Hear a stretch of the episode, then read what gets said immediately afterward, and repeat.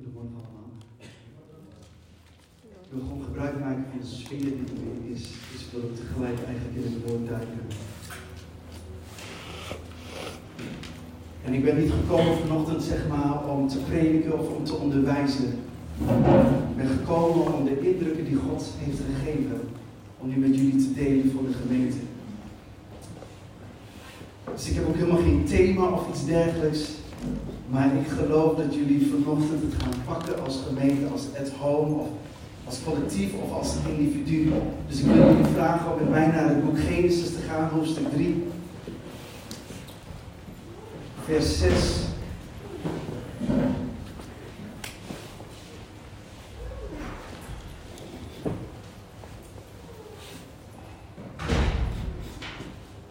Ik wil eerst even delen met jullie welke indruk God mij heeft gegeven. Toen ik aan het mediteren was op het woord en zeg maar het home in gedachten had, toen vroeg ik aan Gods geest van wat is de bedoeling? Wat moet er verkondigd worden? En wat ik zag was eigenlijk een huis, een doorzichtig huis met allemaal verschillende verdiepingen en verschillende kamers. En het huis was mooi verlicht en het had vele verschillende kleuren. En ik vroeg wat dat te betekenen had. God zei dat het ging over de veelkleurige wijsheid die we als gemeente hebben. Die God wil weerspiegelen door ons heen. En toen gebeurde er iets in dat beeld. Sommige lichten gingen uit in die kamer. Sommige bleven aan. En dan gingen andere lichten in een kamer gingen uit. En daar waar het uit was, daar ging het weer aan. En ik vroeg me af wat dat betekende. En het was alsof God zei van dat er soms plannen en dromen zijn in onze individuele harten, maar ook ons als collectief. Waar we soms geloof voor hebben en hoop voor hebben dat het licht aangaat in ons hart. Maar door omstandigheden dat er soms dingen gebeuren, dat het licht weer uitgaat in ons hart. En ik geloof dat God vanochtend daar iets over wil zeggen om ons te versterken, om ons te bemoedigen, om ons op te bouwen, zodat alle lichten in het huis weer aangaan. Kan iemand amen zeggen? En ik ken jou of ik ken uw situatie niet persoonlijk. Maar ik geloof dat de Heilige Geest het vanochtend persoonlijk gaat maken. Dat je ergens voor jezelf er iets uit gaat halen waarvan je denkt, dat is precies wat ik deze morgen nodig heb. Zeg tegen elkaar, het licht gaat vandaag weer aan. En als je buurman, je buurvrouw...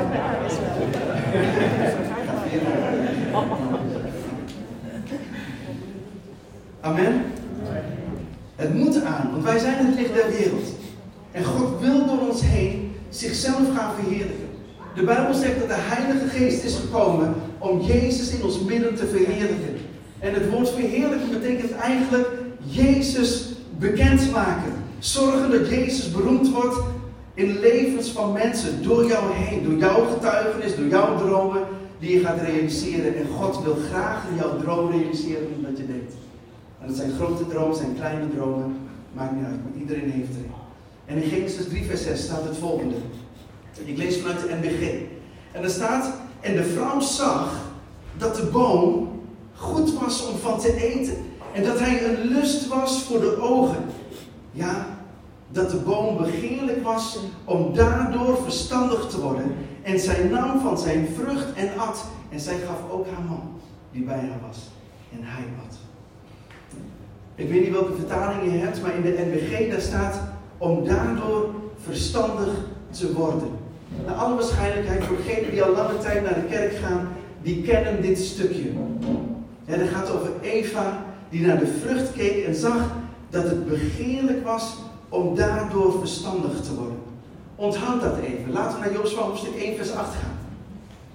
Dus de focus is op verstandig worden in Genesis 3 vers 6.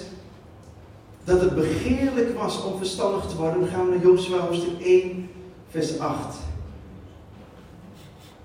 Ook een bekend stukje.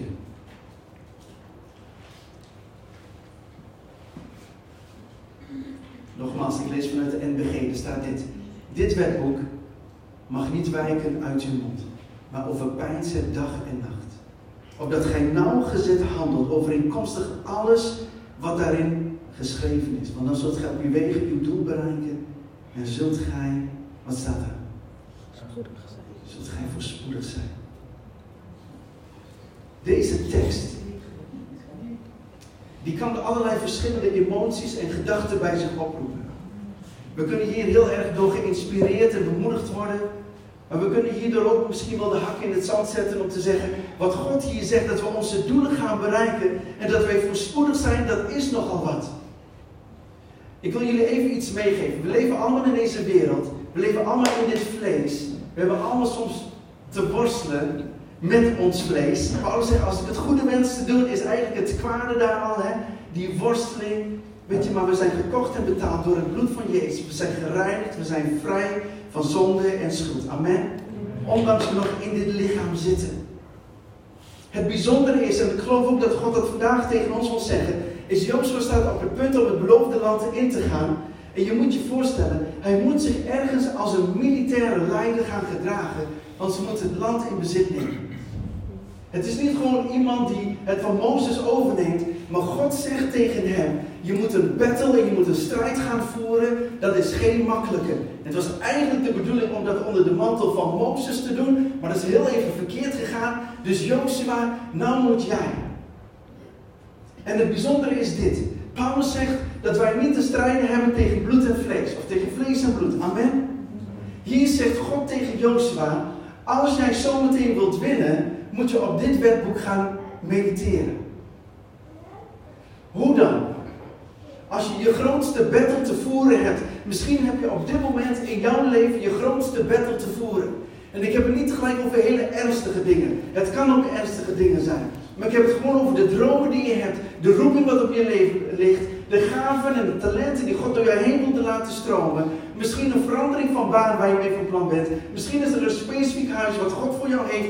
Wat het ook zij, het zijn gezondheid. Het maakt me eigenlijk niet zoveel uit. Maar als er een battle te voeren is, dan wil God op dit moment tegen jou zeggen: overpijns dit wetboek. Omdat God als geen ander snapt en beseft dat deze strijd die Jozua gaat voeren, is geen strijd van vlees en bloed. En, de, en Jezus zegt, mijn woorden zijn geest en leven. Met andere woorden, de woorden die Jezus spreekt, die, die zijn gelijk als het ware dat, dat het ons leven geeft. Onze wedergeboren geest komt tot leven door zijn woorden. Onze wedergeboren geest komt tot leven door zijn woorden, want zijn woorden zijn geest en leven. Even terug naar Jozua. Of misschien wel terug naar ons eigen leven. Waar zit ons geloof? Als wij deze week de tijd gaan nemen om te mediteren op Gods woord. God zegt dus tegen Jozua, als je mediteert op mijn woord, dat is de basis om de Jordaan open te laten splijten. Dat is de basis om de muren van Jericho te laten vallen. Er staat nog iets daarvoor. God zegt tegen Jozua, neem het land der Hethieten in. Nou, misschien voor de meesten van ons zegt het misschien niet zoveel, de Hethieten, maar even heel beknopt. De Hethieten stonden bekend als een volk, en daar weet je echt niet zomaar van. Ook bij Israël stonden zij bekend als een volk. Wil je hun tegemoet komen, wil je met hun gaan strijden, moet je echt weten wat je doet. Dat is het beeld. En God zegt elke keer tegen Jozua, wees sterk en moedig. Wees sterk en moedig. Ik, ik, vond het altijd bijzonder, vind ik nog steeds eigenlijk. Want God zegt niet alleen, God zegt niet tegen hem, wees sterk en geloof. Bijvoorbeeld. Weet je, of weet dat mijn geest met je is. En hij zegt tegen Jozua, wees sterk en moedig. Weet je wat me dat doet zeggen? Sommige battles die wij te voeren hebben, die gaan wij tegemoet met knikkende knieën, ook al weten we dat God met ons is. Maar je bent juist moedig als je de strijd aandurft te gaan. En je afhankelijk bent van God. Maar ondertussen je knikkende knieën hebt. En God zegt tegen Jozua, wees sterk en moedig, wees sterk en moedig, maar mediteer op mijn woord. Ik wil een paar dingen hieruit halen. Het wetboek, oftewel het woord van God, is de basis voor het bereiken van goddelijke doelen en goddelijke voorspoed. Weet u wat er gebeurt in ons hoofd als het gaat om voorspoed? We hebben onze mindset van deze wereld als we denken aan voorspoed. We denken, sommigen van ons dachten nu al tegelijk aan een auto, aan een huis, inkomen. Toch? Als wij zo denken, gaat het daarom fout om deze tekst te begrijpen. Want wat de Bijbel zegt, is dat het Hebreeuwse woord voor voorspoed komt 60 keer voor in het Oude Testament. En is het vaakst vertaald als verstandig zijn of verworven kennis. Dus het woord voorspoed wordt 60 keer vertaald vanuit het Hebreeuws als verstandig zijn of verworven kennis. Let op wat er gebeurt. Eigenlijk zegt God dit. Als jij mediteert op mijn woord, krijg je goddelijke wijsheid en inzicht om de dingen te doen die ik jou heb gegeven en het gaat je lukken. Dat is een hele andere mindset. Want als het gaat om voorspoed, heeft tegelijk iedereen daar een beeld bij. De reden waarom ik in ieder geval zo enthousiast ben, is dit. Omdat het werkboek, of omdat Gods woord de basis is, is het niet meer afhankelijk van jouw achtergrond. Het is niet meer afhankelijk van jouw omstandigheden. Het is niet meer afhankelijk van jouw opleiding. Het is niet meer afhankelijk van you name it. Dus dat betekent dat iedereen heeft toegang tot de voorspoed van God. Oftewel, tot de wijsheid van God en tot het inzicht van God om de battles die je moet voeren met wijsheid te doen. Kan iemand amen zeggen? Jullie zitten maar aan te kijken wel ja. Ik weet niet waar je het op hebt, maar daar hebben wij hier allemaal nog geen last van.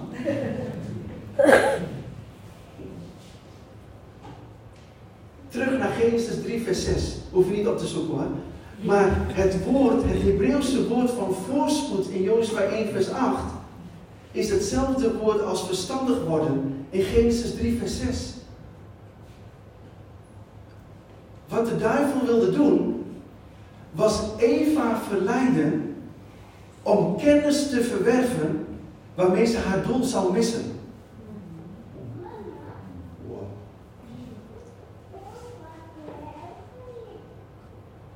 Het woord zonde vanuit het Grieks betekent je doel missen.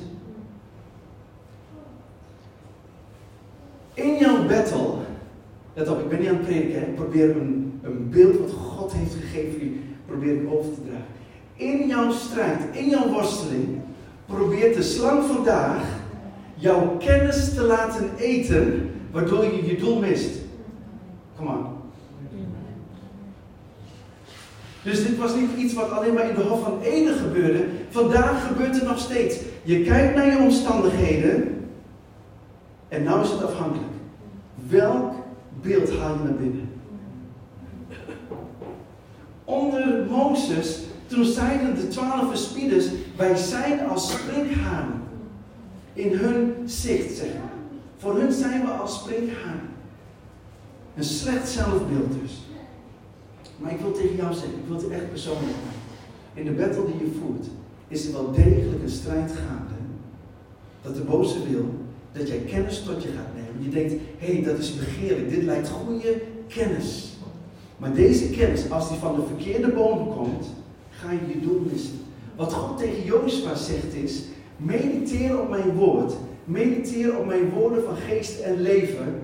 Let op, eet van de boom des levens. En als je eet van de boom des levens, dan word je zo gevuld met mijn wijsheid en met mijn inzicht, dat je weet wat je moet doen als je de, de Jordaan tegenkomt. Come on. Dat je weet wat je moet doen als je de muren van Jericho tegenkomt.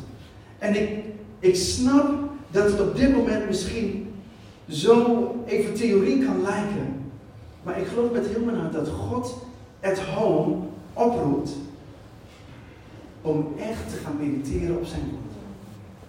Om echt te laten inzinken op zijn woord. Gewoon even een getuigenis. Vorige week zondag mocht ik het woord brengen bij ons in de gemeente. En bij ons in de gemeente eigenlijk een soort mini-opwekking aan de gang. We merken dat Gods geest aan het bewegen is.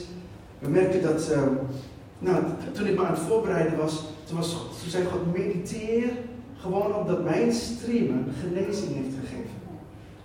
Dus ik dacht, dit weet ik al.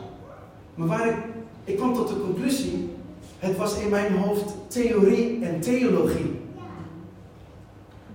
Ik weet dat jullie daar geen last van hebben. In Winterswijk hebben ze last van dat die gaan zo lang naar de kerk dat heel veel dingen zijn theorie en theologie geworden.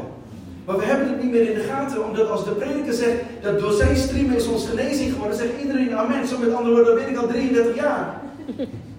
Maar het gaat niet meer om de theorie en de theologie. Het gaat erom dat het levend is voor jou en dat het manifest wordt in jouw lichaam. En ik was daarop aan het mediteren en toen zei de Heilige Geest tegen mij: Je predikt de helft van het evangelie. Ik zeg: Zo, ik predik al een hele tijd. Ik predik toch gewoon dat u voor ons aan het kruis bent gestorven. Maar als je niet predikt dat bij de redding ook fysieke genezing wordt, dan predik je alleen maar de helft van het evangelie. En toen dacht ik, man, hier moeten we wat aan doen. En dat kwam ook, want ik moest die zondag spreken. en ik begon te spreken en ik begon tegen de gemeente te vertellen, jongens, we hebben jullie de helft van het evangelie verteld. Dus ze zaten me aan te kijken van, nou, we gaan wel weer nou dwalen hebben. Ik zeg, jongens, genezing is ons erfdeel. Of je nou gelooft of niet, het is ons erfdeel. Ik moet het prediken. En toen vroeg ik, wie van jullie is, is ziek? En je wil niet weten hoeveel handen de lucht in. En zij kon ervoor. En ik kwam een hele groep naar voren en ik vroeg aan de gemeente die bleef staan om mee te bidden. Ik zei, hier, kom aan hè. Heel veel mensen. Maar hoe heerlijk is het als een vrouw, en in dit geval was dat mijn moeder. Ik heb niet voor haar gebeden, maar achteraf hoor je de getuigenissen. En ik ken haar fysieke toestand. En ik schrok, want die ochtend kwam ze met een stok bij ons in de gemeente. En ze zei, maar gaat het wel goed? Ja, gaat wel goed, maar ik heb nou echt een stok nodig. Dus dacht ik, man, heer, vandaag ga ik prediken dat er genezing komt. En prijs God. Ze ging naar voren met stok en ze ging terug zonder stok. Amen. Toen kwam er iemand die zegt, ja, ik, ik ben overnier en ik heb last van mijn rug. En ik, ik zag het, want hij zat links van mij en hij zat de hele dienst. En ik kreeg s'avonds kreeg een appje, Melf, het is weg. Zeg, prijs God. Ik kreeg later weer een appje de volgende dag over een vrouw die, die, die hoorde naar de preek en die dacht bij zichzelf, Heer, als het waar is, dan moet het ook echt werken. En ze heeft reuma. En de volgende dag moest ze naar de reumatoloog. En ze heeft altijd ontstekingen, of de ontstekingswaarde in haar bloed. Ze zegt de ene keer is het hoog, de andere keer is het laag. Maar ik kreeg een appje van haar en zegt, de reumatoloog zegt dat er helemaal niks, geen ontstekingswaarde meer zijn. Halleluja. Ik dacht, het werkt. Amen. Maar weet je, je, wij moeten als christen opnieuw tot bekering komen dat God ook voor onze ziekte aan het kruis is gestorven. Amen. En ik weet dat het soms onmogelijk is, maar omdat wij mediteren op Gods woord, beginnen de muren van Jericho beginnen te vallen. We merken dat de mensen beginnen weer in tongen te spreken. Lekker man, in tongen. Oké, no worries, ik ga hier niet over prediken. Woorden van kennis komen weer. Mensen krijgen woorden tijdens de dienst. Beginnen anderen te bemoedigen. Er is een soort opwekking gaande. Waarom dan? Omdat we het woord beginnen te prediken zoals het is en niet zoals we willen dat het is.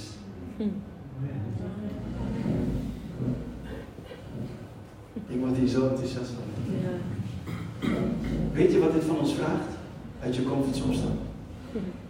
Dat is wat het van je vraagt. En niets is fijner om alles bij het oude te houden. Maar weet u, ik heb besloten, ik wil niet meer bij het oude. Ik wil het niet meer. Voor iedereen die zegt, wel, ik vind het prima. Ik zeg, hey, see you in heaven. Prima. Maar dit is niet wat ik wil. En ergens, als ik het je op de man zou vragen, dan willen jullie het ook niet. Je wilt de kracht van God in je leven ervaren, maar je weet soms niet hoe het moet. Zijn jullie er nog bij? Ik wil iets laten zien. Ik spreek echt vanuit mijn hart, man. Omdat ik gewoon ervaar te gaan deze kant op. Weet je, Mozes stierf. En Jozua stond er alleen voor. Er kunnen situaties in je leven plaatsvinden dat iets waar je altijd op kon leunen wegvalt. Er kunnen situaties in je leven voorkomen dat ergens waar je altijd op hebt geleund, dat dat wegvalt. Jozef kon altijd leunen op Mozes. Hij kon onder de mantel van Mozes kon hij fungeren. Mozes stierf. En dan zegt God dit. Mediteer op mijn woord. Dit is wat God zegt. Ondanks Mozes wegviel, geef ik jou een leider die beter is dan Mozes. En dat is mijn woord.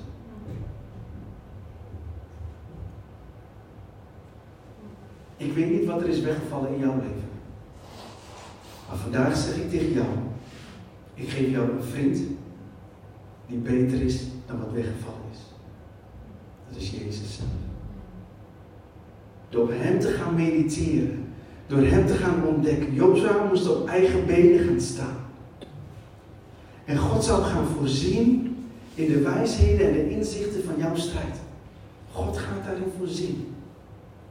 Geloof je dat? Het is een en al geloof.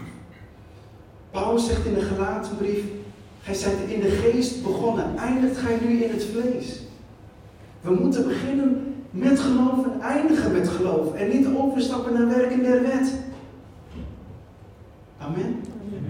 In dat geloof moeten we blijven en daarom moeten we ook blijven prediken. Weet u, het wetboek waar Jozef moest mediteren, zou moeten fungeren als een leraar. God wil als een leraar in je leven gaan fungeren, zodat hij jou kan onderwijzen welke weg je moet gaan. Let op, Jezus is de weg, de waarheid en het leven. Amen. Dat is wat Johannes ons leert. Hij is de weg, hij is de waarheid en het leven. Maar ergens zouden we hierop moeten gaan mediteren, want de weg is niet de A35 of de N18 of de weg naar jouw huis. Toch? De waarheid is ook niet datgene wat de wereld tot waarheid heeft bestempeld. Dat is niet de waarheid. Het leven is ook niet het zuurstof dat je inademt. Dat is niet het leven. De weg, de waarheid en het leven is een persoon. Zijn naam is Jezus. Wat wil je daarmee zeggen dan? Als je niet meer ziet zitten, is er toch een weg.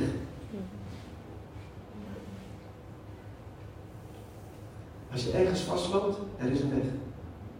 Wat voor weg? Er is een uitkomst.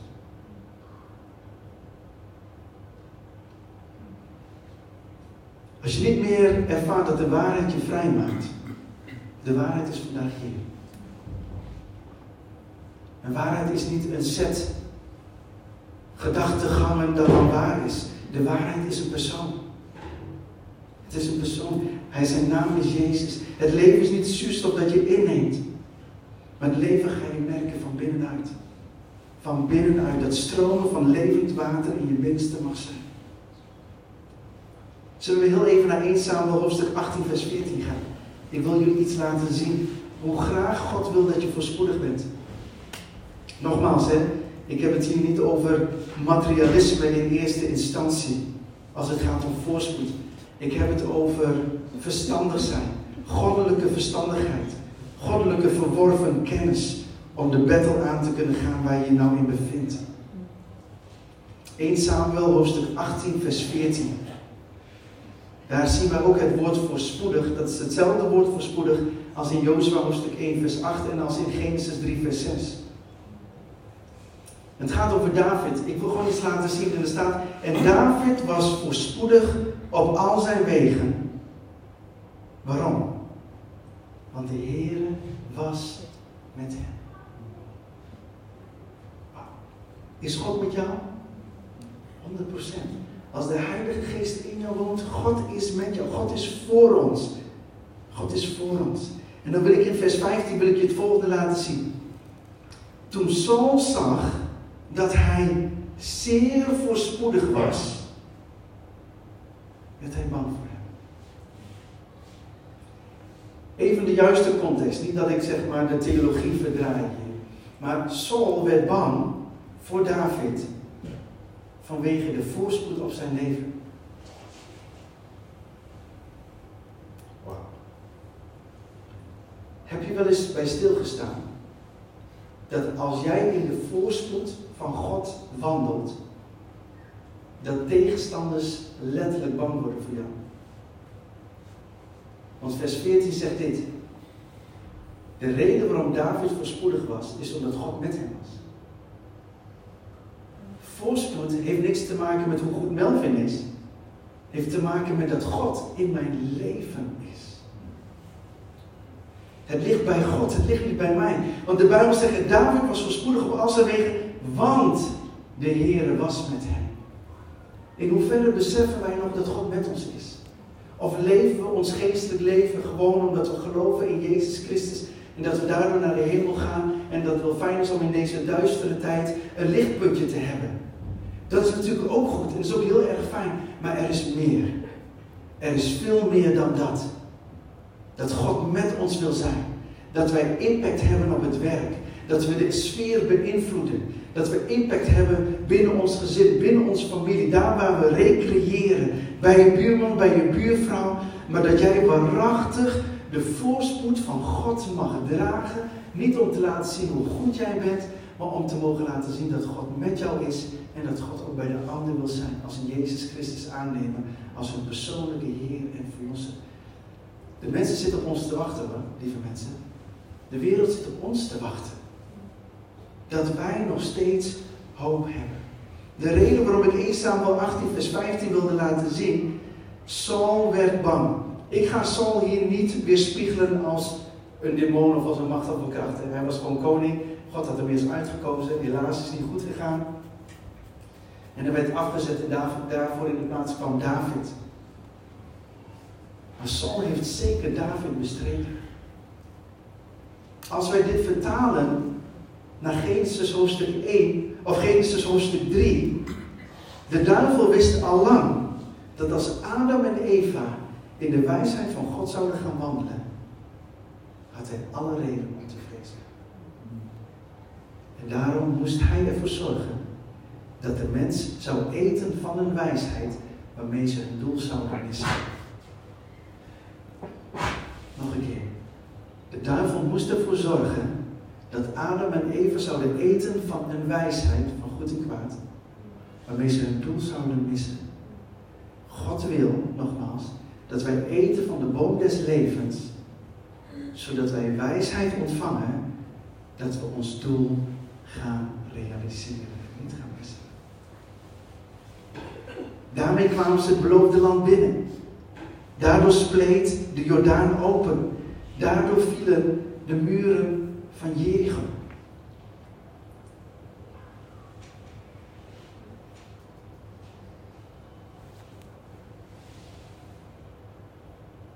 Er is iets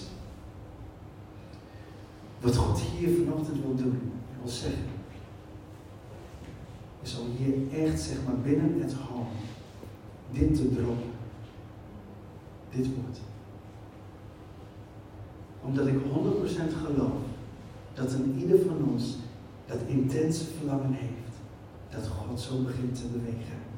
Zoals je voor ogen hebt. Zoals God voor ogen heeft. Weet je wat Jezus tegen de zieken zegt? Leg handen op. Genees de zieken. Werp duivelen uit. Reinig de melaatse. Wek doden op. Zie je dat ons al doen? Cool toch? Is toch veel leuker? Ja toch? Ik strek me ernaar uit. En ik ben blij met ontstekingswaarden die er dan niet meer zijn. Ik ben blij met een rug dat is genezen. Maar ik ben nog niet tevreden. Ik heb honger naar God. Ik wil weer zien dat het gebeurt. En ik wil dat niet alleen maar dat, omdat ik bij een conferentie ben geweest. Ik wil het zien in de lokale gemeente. Dat mensen weer hongerig beginnen te worden. Wat we ook zien in Winswijk is dat er steeds meer nieuwe mensen komen. Onbekeerde mensen. En dat is wat we willen. En we vragen ons af, waar komen jullie vandaan? Maar er begint iets te komen dat de Heilige Geest aan het doen is om zelf mensen toe te voegen. Zelf mensen toe te voegen. Heerlijk. Ik was zondag aan het prediken en ik liep zo, en liep ik zeg maar tijdens de prediken liep ik zo deze kant op. En toen zag ik een jongen daar zitten En God legde op mijn hart en ik begon over zijn leven te profiteren. En die jongen zat met mijn grote ogen aan te kijken, dus ik dacht, oh jee, als dit maar goed gaat. Maar ik voelde aan alles dat God heeft hem op het oog. En toen we een uitnodiging deden, toen riep ik hem gewoon ook gewoon naar voren om voor hem te bidden, zonder dat ik maar één woord met hem repte. En na de dienst dacht ik, ik moet toch even naar hem toe. Want ja, die zou wel denken, ik kende hem niet, ik zag hem voor het eerst. Dus toen zaten we aan de koffie en ik zag hem op en ik zei, hoe heet je? Mark? Uh, Mike, zei hij. Ik heet Mike. Ik zei, Mike, hartstikke goed, ik ben Melvin. Ja, dat heb ik begrepen. ik zei, Mike, wie ben je? Waar kom je vandaan? Hij zegt, uh, ik kom voor het eerst hier in de kerk. Ik zeg, dat meen je niet. Hij zegt, ja, want mijn vriendin zei dat ik naar de kerk moest en ik zou eigenlijk niet komen. Maar vijf voor tien besloot ik om naar de kerk te gaan en bij ons begint het om half elf. En dan, dan begin jij zo in één keer vanuit niets op mij te spreken, dus ik schrok ook wel, maar dus... Toen zei hij dit. Maar ik ben gereformeerd opgevoed. En ik vroeg me af of God nog bestond. En toen je begon te spreken, toen wist ik. Ik zeg, maar kom je vaker? Ja, ik kom vaker. Wat wil je daarmee zeggen? Paulus zegt in 1 Corinthians hoofdstuk 14, dat als we de gemeente opbouwen, dat het onder andere ook bedoeld is het woord van profetie, zo bedoeld voor de ongelovigen. En dat zij zullen erkennen, God is in jullie midden. En ik heb zo'n zin om dat het ook hier bij At Home gaat gebeuren. Gewoon, je zegt dan, At Home, gewoon bij jullie thuis. Dat het daar gaat gebeuren. Hier in het collectief. En als iemand tegen aan mij vraagt, maar Melvin, ik zit nog niet op een bepaald niveau. Vergeet je niveau. Oké, hoe dan? We beginnen gewoon met mediteren. Je hoeft niet een minimaal diploma te hebben in theologie voordat je kan mediteren op Gods woord. Wat je moet weten is dat je een kind van God bent. Als je dat weet, dan kunnen we naar God toe gaan en kunnen datgene gaan doen. Ik geloof met heel mijn hart, als we teruggaan naar het beeld, ergens zijn bepaalde lichtjes in die kamer zijn uitgegaan. Vandaag ben ik hier om je uit te nodigen, om de lichten in je kamer weer aan te doen. En daar waar de lichten aan zijn, daar ben ik om tegen jou te zeggen, zorg dat ze aanblijven. Want de mensen hebben jou nodig om geïnspireerd te worden. Ze hebben jou nodig om door jou misschien wel onderwezen te worden of gecoacht te worden. We kunnen geen huis gebruiken waar de kamers niet meer verlicht zijn. En voor degenen die zeggen, ik heb ze heel bewust uitgedaan om deze en deze reden, dan wil ik tegen jou zeggen, vanochtend gaan wij samen de lichten weer aan. Kan iemand amen zeggen? Amen. Hebben we zin om de, de lichten weer aan te doen? Haal de vlammers weer naar boven die je hebt voor God. Weet je, misschien is, zijn we afgedwaald van onze eerste liefde en van het fanatisme. En dat zeggen, doe maar normaal, dat doe je al gek genoeg. Maar het, het kan ons niet gek genoeg zijn voor Jezus. En dat ze denken, ik wil niet meer gek doen voor Jezus, want dan verklaren ze me voor gek. Nou, maakt toch niet uit. Dat was je toch al. Mark, wil je me even helpen achter de piano? Zullen we samen gaan staan?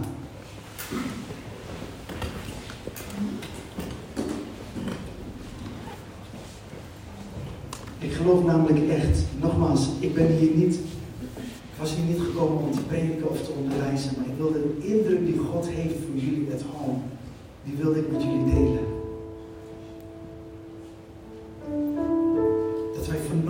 De lichten in onze kamers weer aan gaan doen.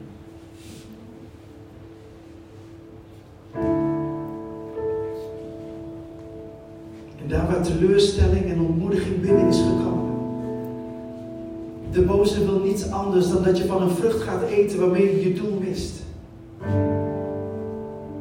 Maar je bent zo nodig in Gods koninkrijk. Je bent zo gewaardeerd in Gods koninkrijk. Je bent zo geliefd in Gods koninkrijk. Ja, met al onze fouten, met al onze falen, met al onze zwakheden, tekortkomingen dat is niet de basis. Het basis. De basis is het bloed van Jezus, waardoor je gereinigd bent en gerechtvaardigd. En je bent perfect in de ogen van Jezus.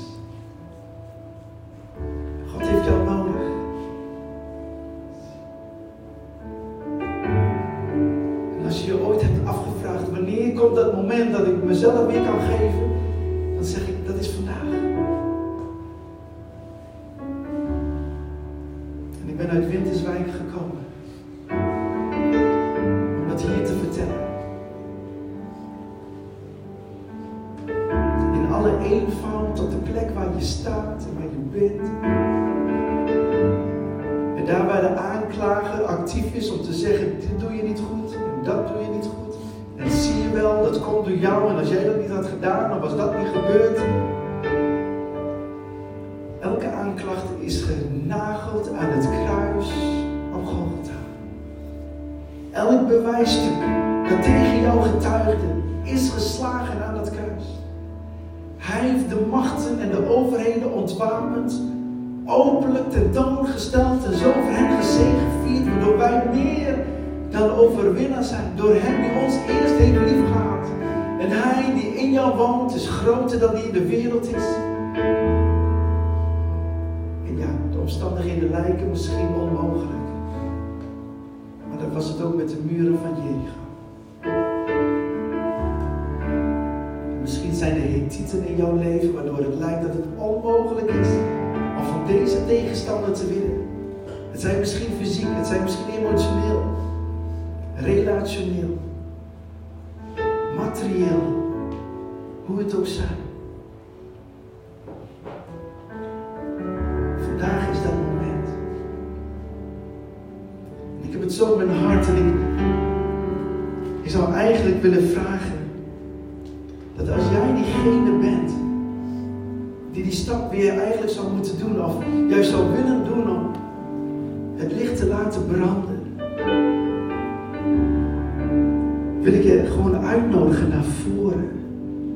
Om over je eigen schromen heen te stappen om te zeggen, Melf, come on. Ik wil dat het licht weer wordt aangestoken in mijn hart en in mijn leven. Als jij dat bent, en eigenlijk vind ik gewoon dat we met z'n allen naar voren moeten komen, ik serieus, echt. Maar dan wil ik bij deze vragen, kom naar voren als je dat wil.